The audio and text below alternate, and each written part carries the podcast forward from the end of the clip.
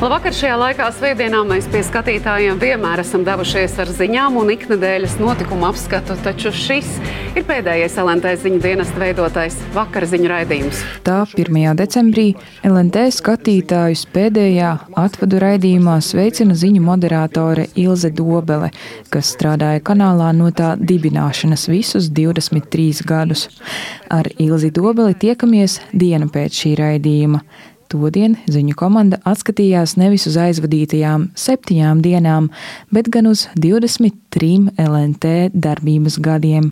Ilse Dobele stāsta, ka līdz pat pēdējai ētera minūtei komandai bija svarīgi izdarīt darbu tāpat kā vienmēr. Ar tādu pilnu atbildības sajūtu, ar uh, arī ar tādu zināmu vieglumu, ko noteikti arī palīdz izdarīt tāda gados uzkrātā pieredze.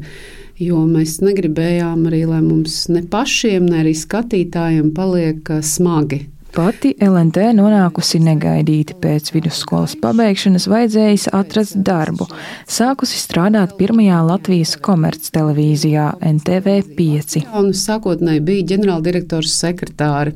Visu mācījos darot, jo tas bija tāds laiks, 90. gadu sākums, un tad um, NTV5 komandu, kuru, ziņu komandu, kuru vadīja Kārlis Streips, um, pārgāja strādāt uz RBS TV, arī tāda televīzija ir bijusi esot attapušies, ka vajadzīgs jauns ziņu dienests. Man bija ļoti neliela pieredze kadrā bijusi. Sarīkojuši konkursu, lai veidotu komandu, kas ziņas varētu nākotnē nodrošināt. Nu, pēc tam jau Andrejs Ēķis, kurš bija dibinājis Pīci TV, acīm redzot, vienojās jā, par šo NTV 5 un Pīci TV sapludināšanu, un tā 1996. gadā tā no divām televīzijām pārtapa par vienu kanālu, par Latvijas neatkarīgo televīziju, un tā es gluži dabiskā ceļā sāku strādāt arī tur no pašas pirmās dienas.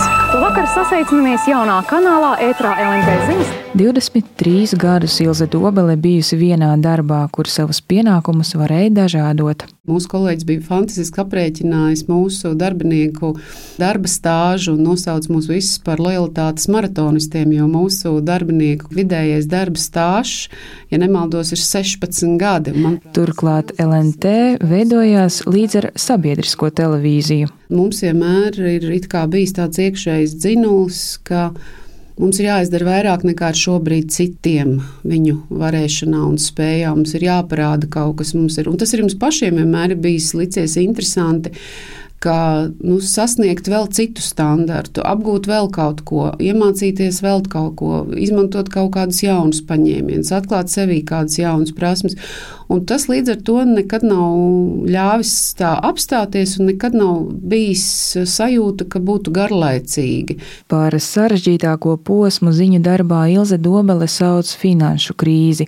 Vēlāk notika Maksimas traģēdija. Tas bija ļoti grūti, tiešām fiziski pat grūti to uh, izturēt un pieredzēt, kā tas viss notika. Tagad žurnālistiem liela atbildība būt īpaši precīziem. Brīdī, kad cilvēki diemžēl notic uh, virsrakstiem, kuri dienas laikā var mainīties uh, nescik reizes, un vakarā tam vairs pat nav nekāda sakara ar to, kas ir izlasīts no rīta, bet tas, diemžēl, cilvēkus netraucē spriest par notikumiem valstī.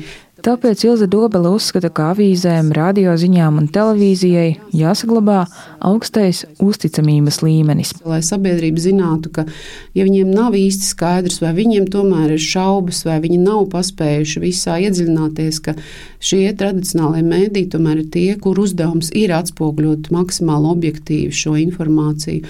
Un tas atkal ir jauns uzdevums mēdījiem to izpildīt, to izdarīt, tam sekot līdzi un skrupulozi pārbaudīt katru lietu, lai vēl vairāk nu, neizplatītu to informāciju, ko mēs tagad saucam vai nu par viltu ziņām, vai arī par neuzmanības ziņām.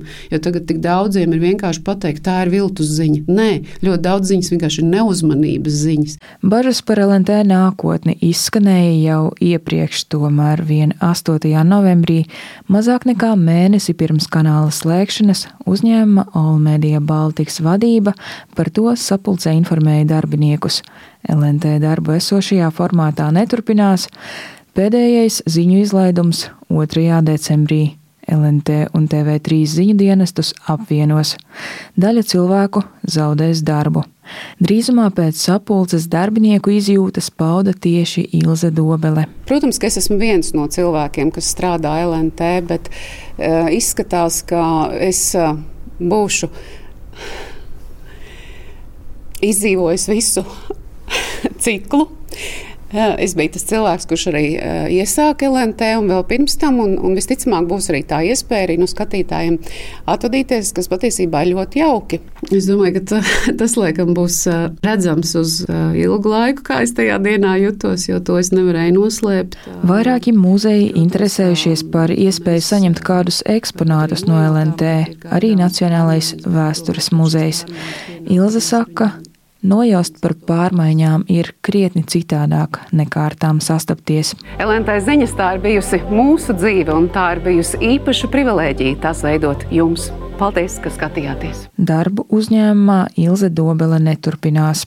Šis eh, jautājums nav viegli atbildāms, jo es saņēmu paziņojumu, ka ar mani tālāk kanāls neturpinās sadarbību, bet es precīzākus paskaidrojumus, kāpēc nesaņēmu. Tāpēc jā, tā ir vienīgā atbilde, faktiski, ko es varu pateikt.